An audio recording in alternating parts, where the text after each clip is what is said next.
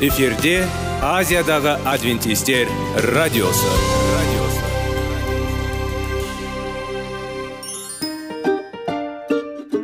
Сәлем достар. Денсаулық өмір бұлағы және біздің бірінші байлығымыз демекші денсаулық сағаты рубрикасына қош келдіңіздер. Біздің рубрикада біз әртүрлі факторларменен мәліметтерменен кеңестерменен бөлісіп шын жүректен сіздердің дендеріңіз сау болғанын қалаймыз. Сол үшін біздің рубрикаға қош келдіңіздер. Дайындалып тұрыңыздар. Өйткені келесі минуттарда қызықты фактілерге ие боласыздар. Енді достар ең бірінші байлығымызды қолымызға алып алға кеттік.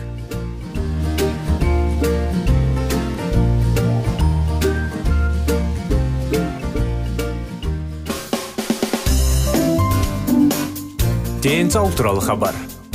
Денсаулықтың ашылуы күн сайын сөз үшін күшті кеңестер соңғы жаңалықтар қызықты факторлар.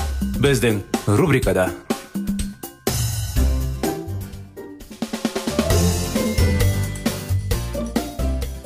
достар армысыздар құрметті тыңдаушыларымыз қош келдіңіздер біздің денсаулық сағат бағдарламамызға қытай зерттеулер тақырыбын біз ары қарай жалғастыра кетейік өсімдік диетасының денсаулық жағдайына жағымды әсер. Туралы дәлелдер ғылыми дәлелдердің болуына байланысты соншалықты сенімді. Біз зерттеу кез келген. Ойды растай алады дегенмен жүздеген тіпті мыңдаған түрлі зерттеулер өсімдік өнімдерінің алдын алу әсерін және жануарлардың тағамдардың көптеген түрлі ауруларға зиянды әсерін көрсететін ықтималдығы қандай? Бұл қарапайым сәйкестік. Жалған мәліметтер ғылымдардың бір жақты көзқарасы статистикалық көрсеткіштердің дұрыс түсіндіруімен немесе факторлерді бұрмалау деп айта алмаймыз. Бұл заттардың шынайы жағдайы екені анық. Осы уақытқа дейін мен өсімдік негізіндегі диетаны ұстанудың пайдасына көптеген дәлелдердің аз ғана бөлігін келтірдім. Сізге көптеген аргументтерді мысалдарды көрсету үшін мен бір бірімен байланысты емес бес ауруды қарастырамын. Остеопороз бүйрек тастары соқырлық танымдық дисфункция және альцгеймер ауруы. Денсаулыққа қатысты бұл қиындықтар сирек өлімге әкеледі. Және көбінесе қартаюдың сүр серіктері ретінде қабылданады.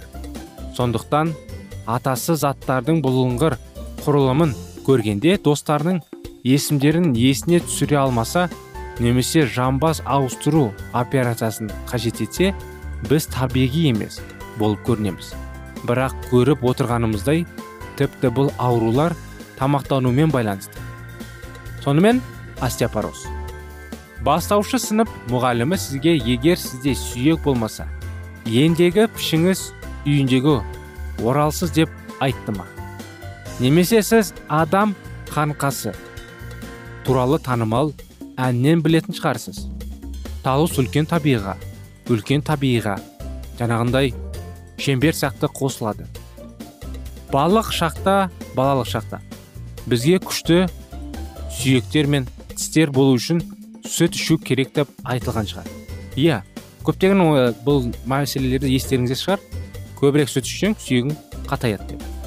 Біздің ешқайсымыз формасыз үйіндегі айналғымыз келмейтіндіктен және анықта адамдарда жарнамада сүттің пайдасын мадақтайтын үшін ақы төленгендіктен біз оны іштік. Сүт сау сүйектермен аралар баламен тығыз байланысты. Бірақ бұл солай ма? Өкінішке орай жоқ. Зерттеу американдық әйелдердің бар екенін көрсетті. Елу жасында жамбас сынықтарының жиілігі әлемдегі ең жоғары көрсеткіштердің бірі болып табылады. Бұл көрсеткіш тек еуропа мен тынық мұхитының оңтүстігінде австралия жоғары және жаңа зеландия онда халық америка құрама штаттарында қарағанда одан да көп сүт тұтынады. Бұл қалай жұмыс істейді? Жамбас буындары сынуының жоғары жиілігі әдетте остеопорозбен сырқаттанушылық деңгейінің сенімді көрсеткіші ретінде пайдаланылады. Бұл сүйек ауруы әсіресе менопауза басталғаннан кейін әйелдерге жиі әсер етеді. Көбінесе олар оның пайда болу кальцийдің жеткіліксіз тұтынылуына байланысты деп айтады. Осыған байланысты денсаулық сақтау ағзаның органның кальцийінде көп мөлшерді қолдануды ұсынады сүт өнімдері әсіресе кальцийге бай сондықтан сүт өнеркәсібі халықтың кальций қабылдауын ынталандыру үшін күш салады бұл күш жігер сіздің балалық шағыңызда сау сүйектерге ие болу үшін сүт ішу туралы айтылған себептерге байланысты бұл саясат төртінші бөлімімізде қарастырылған бірақ бұл жерде бір нәрсе дұрыс емес өйткені сиыр сүті мен одан алынған өнімдерді көп тұтынатын елдерде сүйек сынуының ең жоғары деңгейі және ең жаманы халықтың сүйек денсаулығы оның бір мүмкін түсіндіктермесі жануарлардың ақауыздарын қабылдау мен әртүрлі елдердегі әйелдердің сүйек сынуы арасындағы таң қаларлық жоғары корреляцияның болуын көрсететін есепте көрсетіледі. 1992 жылы дайындалған. Бұл есепте ел медицина мектебінің ғылымдары ақауызды тұтыну және 16 ел бойынша 34 тәуелсіз зерттеулердің сыну жиілігі туралы мәліметтерді жинақтайды. Оларды эксперттер шолған басылымда жарияланды. Бұл зерттеулердің барлық қатысушылары елу жастан асқан әйелдер. Шолу сынықтардың 70 пайызы жануарлардың ақауыздарын тұтынудың туындағанын анықтады. Ғылымдардың түсіндірмесі жануарлардың ақауыздары. Өсімдіктерден айырмашылығы. Ағзада қышқылдың жиналуына ықпал етті. Біздің қанымыз бен тіндерімізде қышқыл көп болған кезде ағзамыз бұл қышқылды ортаны ұнатпайды және ол онымен күреседі. Қышқылды бейтараптандыру үшін кальций қолданылады. Ол осыған байланысты өте тиімді. Бірақ оны бір жерде алу керек. Нәтижесінде ағзаның оны сүйектердің алады. Нәтижесінде кальций жоғалады. Бұл сыну қаупін арттырады. Бізде жүз жылдан астам уақыт ішінде жануарлардың ақауыздарын тағамға тұтыну сүйек денсаулығына зиян тигізетіні туралы дәлелдер бар. Мысалы алғаш рет жануарлардың ақауыздарын тұтыну метаболизм. Нәтижесінде қышқылдың шамадан тыс түзілуіне әкелетіндігін негізделген түсінік. 1880 жылдары ұсынылған. Төрт және жалбаша түрде 1920 жылы жазылған. Бес біз жануарлардың ақауыздары өсімдіктерге қарағанда үлкен екенін білеміз. Метаболизм нәтижесінде организмде қышқылдың жиналуына ықпал етеді. Бізбен болғандарыңызға рахмет достар. Қытай зерттеулер тақырыбы бұмен аяқталмады. Бірақ бағдарламамыз аяғына келді. Жалғасын келесі бағдарламада жалғасамыз. Келесі бағдарламаға дейін сау болыңыздар.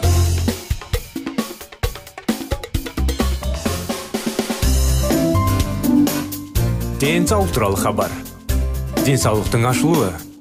Күн сайын сөз үшін күшті кеңестер соңғы жаңалықтар қызықты факторлар біздің рубрикада.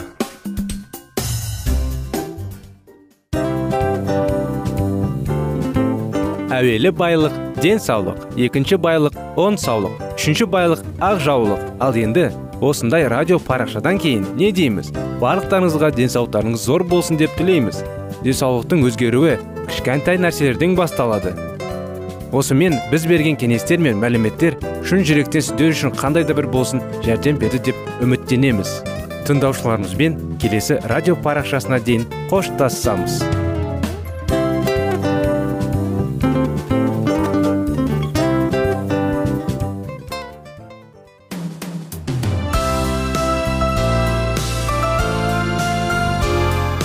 эфирде азиядағы адвентистер радиосы.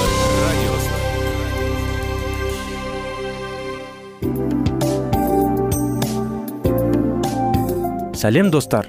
Барлықтарыңызға шын жүректен сөйлесек рубрикасына қош келдіңіздер деп айтпақшымыз. Шын жүректен сөйлесек бағдарламасы әртүрлі қызықты тақырыптарға арналған. Шындығында шын жүректен сөйлесек деген сөздің мағынасы екі достың екі адамның ортасындағы шын жүрекпен сөйлесуі бір біріне сенуі ашықтық пен шындықты білдіреді. Сол үшін біздің бағдарламалар әртүрлі қызықты тақырыптарға арналған. Дайындалыңыз жаңа қызықты мәліметтерге ие болуға. Ондай болса кеттік.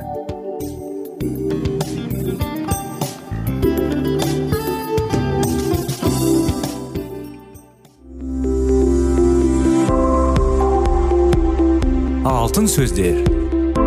Сырласу қарым қатынас жайлы кеңестер мен қызықты тақырыптар. Шын жүректен сөйлесейік рубрикасында.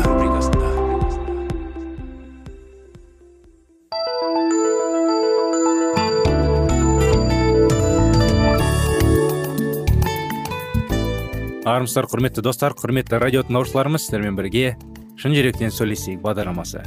Қош келдіңіздер. Сіздердің назарларыңызға 25 керемет неке оқиғаларын жалғастыра кетейік. Бірлік құдайдың ұлылығын айқын көрсетеді. Бұл адамзатты құдаймен татуластыру жайындағы оның рухани ұлының құдіретті іс әрекетіне көрсетіледі. Көптеген адамдар ізгі хабарды өз ақыл ойымен жеткізуге немесе адамдарды соны қабылдауға мәжбүрлетеді. Алайда құдайдың халқының арасында сүйіспеншілік көрсетілетін болса сонда ол осы күнәқар дүниеге нақты дәлелдеме болады. Бірақ тек құдайдың патшалығына кірмеген адамдарды куәлік болып қана қалмай біздер үшін үлкен артықшылық болып табылады. Жаратқан не бірлік бар екенін өзінің жаратылуын төгеді сондықтан бірлік дегеніміз түнеттің патшалығын екі есе қауіптендіре екен. Бұл құдайдың халқына бата береді де. Күнәқарларға оның сүйіспеншілігін көрсетеді. Сол себептен шайтан некеде алауыздықты туғызу үшін барлық күшін салады да ал кез келген өзімшілдік пен қорқыныш соған жол берген болады. Бірлікті сақтау үшін шайтанға қарсы тұруға әрі ескі болмысымызды басуға ауыр еңбек етуге тиіспіз. Сол үшін бізге құдайдың рухының рақымдылығы және әрбір қиындықты жеңуге көмектесетін нақты мақсат қандай екендігін түсіну қажет. Келі кітапта былай жазылған. Сендер мәсітті қастерлейтіндер бір біріне мойынсұндар дейді. Біз өткен тарауда жұбайлардың бір біріне риясыз қызмет көрсетуге қандай міндеттерін атқарылу керектігін айттық. Ал енді бірлікке жету үшін мойынсұну жайындағы толық түсінікті бергіміз келеді. Сіздерді жұбайларыңыздың міндеттерін және соларды іске асыру үшін жазып алуға көп уақыт жұмсамаңыздар. Сондықтан бір біріңізге мойынсұндық сіздерге некеде әрбір тапсырының үстінде одан да ұлы мақсат бар яғни құдайдың ұлылығын және сүйіспеншілік көрсету керек екенін ескерту болсын. Жұбайлардың екеуі бірлікті сақтауға құдайдың берген мақсатына мойынсұнуға тиісті. Осындай көзқарас ерлі зайыптыларға күшті әрі берік некені тұрғызуға жәрдем береді мойынсұну не ер адамның күшті болуға ал әйелдің әлсіз болуға тиісті не керісінше болу керек екендігін білдірмейді. Некенің мақсаты ұлы болғаның соншалықты жұбайлардың екеуінің күшті болудан талап етеді. Біз күшті деп айтқанда күшті жеке тұлғаның немесе адамның денелі қабілеті бойынша білдірмейдіміз біз адамның үлес қосқандығын туралы айтамыз. Некенің ең маңызды біреуінен үстем болу емес қайта бірге иелік ету. Біздің отбасымыздағы кейбір салаларында мен күйеуім мен әйелдің біліктімін. Әйелім соған риза болып маған жол береді. Дәл солай әйелім менен гөрі басқа салаларды біліктікті көретіп келеді. Мен де оған сол жағынан қуанышпен жол беремін. Бізде өзімізден ең жақсының талап ететін бір мақсаты бар. Күйеуім қаржы есебін әрқашан жақсы атарады ол құдайдың бізді бәрімен қамтамасыз ететініне сондай ақ өзінің ақ батасын беретініне ешқандай күмәндаған емес. Біздің көшіп келгеніміз талай рет болса да күйеуім барлық кезде үйді тауып алатын. Ол ақшаны басқаруға өзіне жауапкершілік алғанда менің әйелім бойымнан ауыр жүк түскендей болады. Бір уақытта күйеуім қызмет етуге сапар шеккенде мен қаржылық міндеттің өз мойнына алуға мәжбүр болдым. Содан көңілім қалағанын көргенде соны өзіне тартып алды. Маған қиын нәрсе болған. Оған жеңіл әрі оңай еді. Оған үйді көлікті және әртүрлі ірі нәрселерді сатып алуға қолынан жақсы келетін. Сонымен бірге ол біздің ұлдарымызбен бірге әртүрлі жырқасқа спорттық ойындар мен шаруаларға баруды жақсы ұнататын. Ал мен үйге қарауды жақсы көремін. Менің үйімнің отбасым дастарханның басында. Түскі немесе кешкі ас үшін жиналатын орын болғанын қаламайды.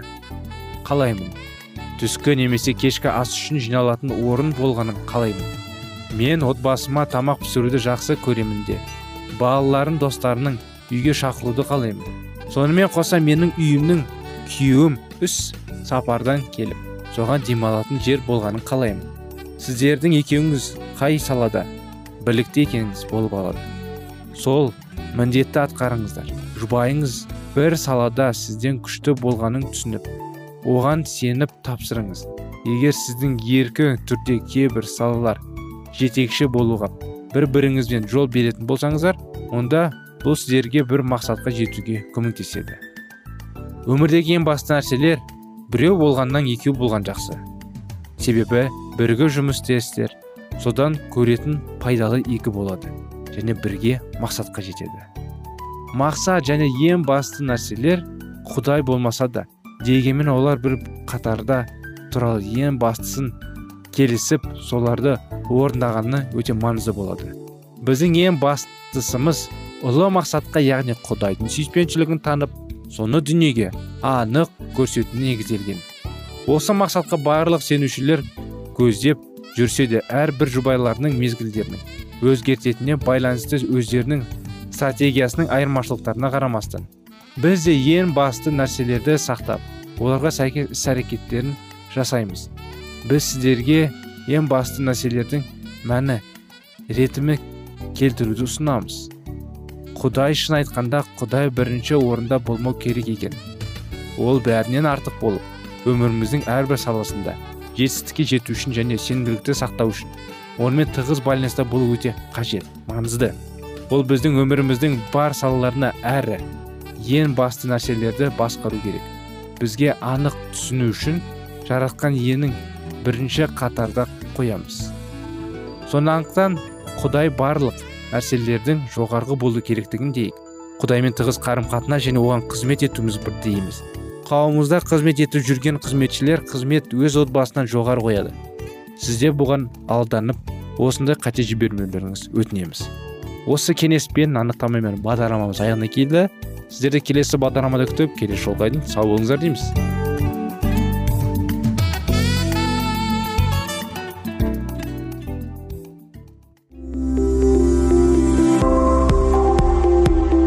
Алтын сөздер. Сырласу. Қарым қатынас жайлы кеңестер мен қызықты тақырыптар. Шын жүректен сөйлесейік рубрикасында.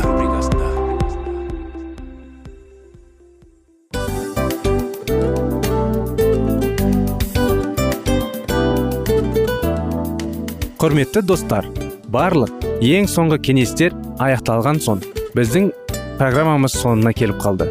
Осы біздің мәліметтер осы рубрикада айтылған әрбір сөздер сіздерге өзінің қандай да бір пайдасын алып келді деп шын жүректен сенеміз.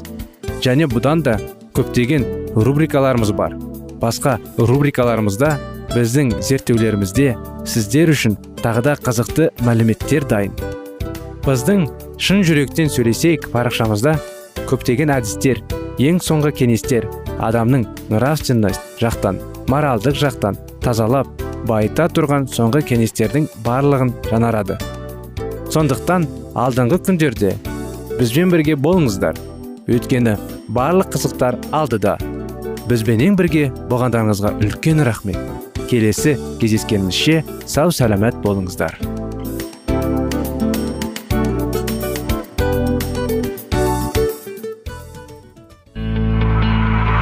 Жан дүниеңді байытқан жүрегіңді жаңғыртқан өмірдің мағынасын ойландырған рухани жаңғыру рубрикасы.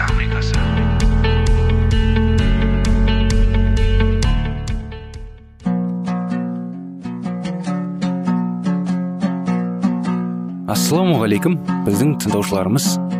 Келі кітаптың шындығын ашып берген қысқа бағдарламасына қош келдіңіздер. Барлығынан жоғары жаратушы біздің қарыңғылықта жалғыз қалдырып қойған емес. Өйткені ол келешекте не болу керек екенін киелі кітаптың парақтарында ашып береді. Немесе келіңіздер бізге қосылыңыздар. Жаратушы бізге нен ашып бергенін зерттейміз. Рим өзінің тұрақтылығын өте мақтаныш тұрады. Григорий жетінші иннокентий үшіншінің қолданған ұстанымдыларын рим католиктік шіркеуі әлі де сақтап отыр. Билік қолдарына түсумен айтулы шіркеу осы ұстанымдарды өмірге енгізуге дайын тұр. Жексенбіні күннің заңды түрде бекіту үшін римнің көмегін сұрауға әзір отырған протестанттар өздеріне өздері есеп беруден қалған. Протестанттар осы көздеген мақсаттарын іске асырумен айналысып жатқанда рим өзінің жоғалтып алған бұрынғы билігін қайтаруға тырысады. Ақшы шіркеулер үкімет билігін бақылауды қолына алып діни салт дәстүрлерді заң түрінде өмірге енгіз бастағанда немесе басқаша айтқанда шіркеу мен үкімет беретін адамдардың әр ұжданың билеп төстеуге күш салған кезде рим салтанатты түрде женісіне той лайтын болады. Осы айтылған ескертулерге протестанттар қазір көңіл аудармаса кейін олардың ниетін көрген кезде ештеңені өзгертуге шаралар болмайды. Кеш қалады. Католицизмнің билігі ақырын ақырын ұлғайтып келеді. Оның билігі заң шығарылатын. Отырыстардан шіркеулерден адамдардың жүректерінен жақсы байқалады. Оның құпия шытырлауларында лабиринт қанды тарих қайталанатын үлкен үлкен ұлы ғимараттар салынып жатыр.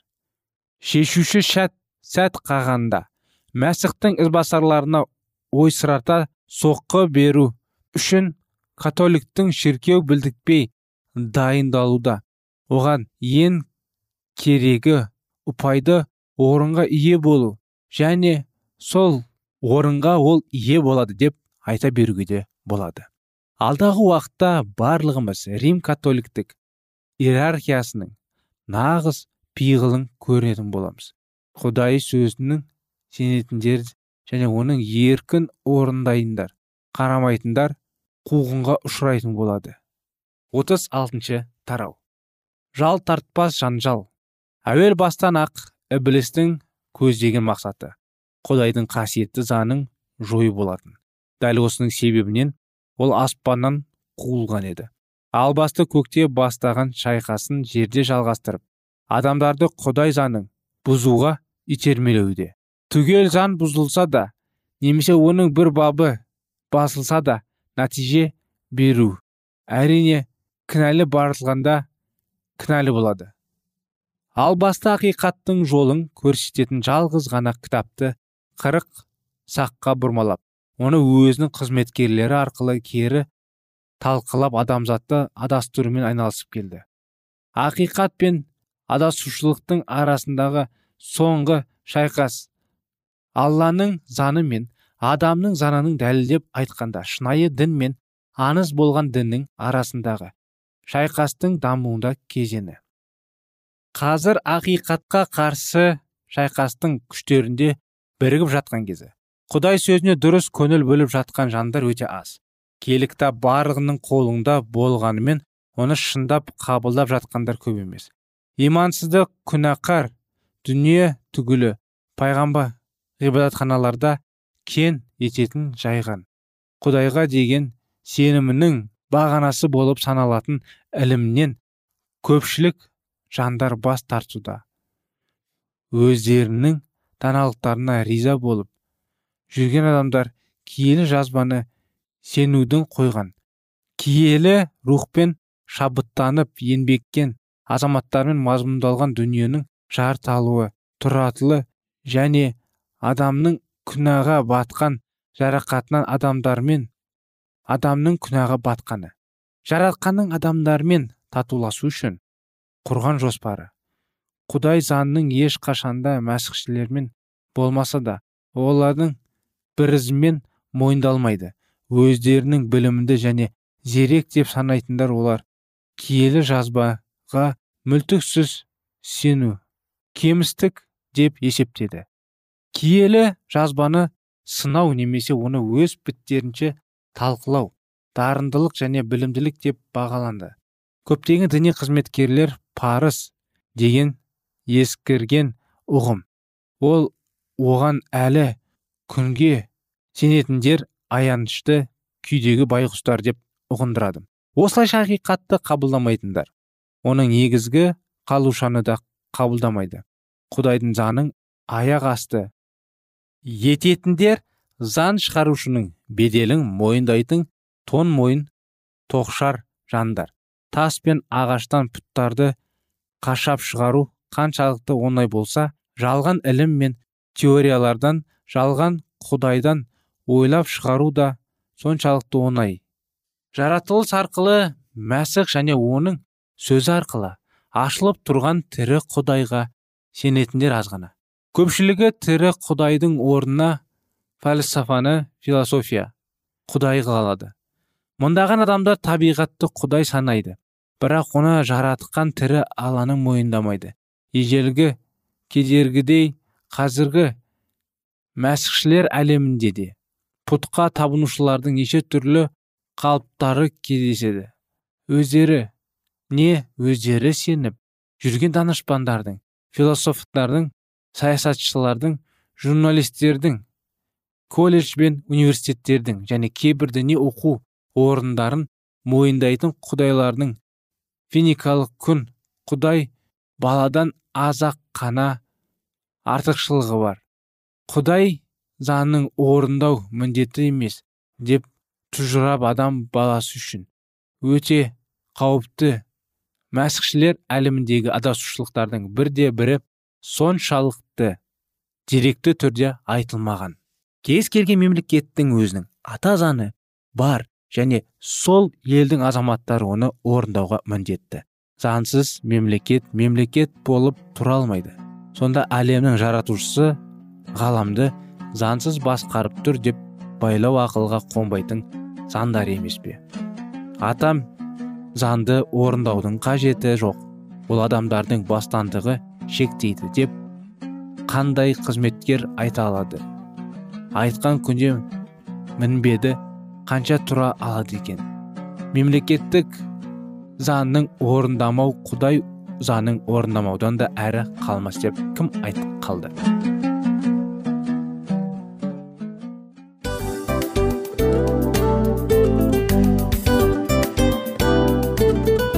Осымен достар программамыздың зерттеуіміздің ең қайғылы минутына жеттік. Қайғылы дегенде бағдарламамыз тез арада өтті де кетті. Соған көңіліміз деп тұр. Жарайды қайғыны қояйық бүгінгі 24 сағаттың алтындай жарты сағатын бізге бөліп арнағаныңыз үшін рахмет. Егер де өткен сфераларда пайдалы кеңес алған болсаңыз біз өзіміздің мақсатымызға жеткеніміз.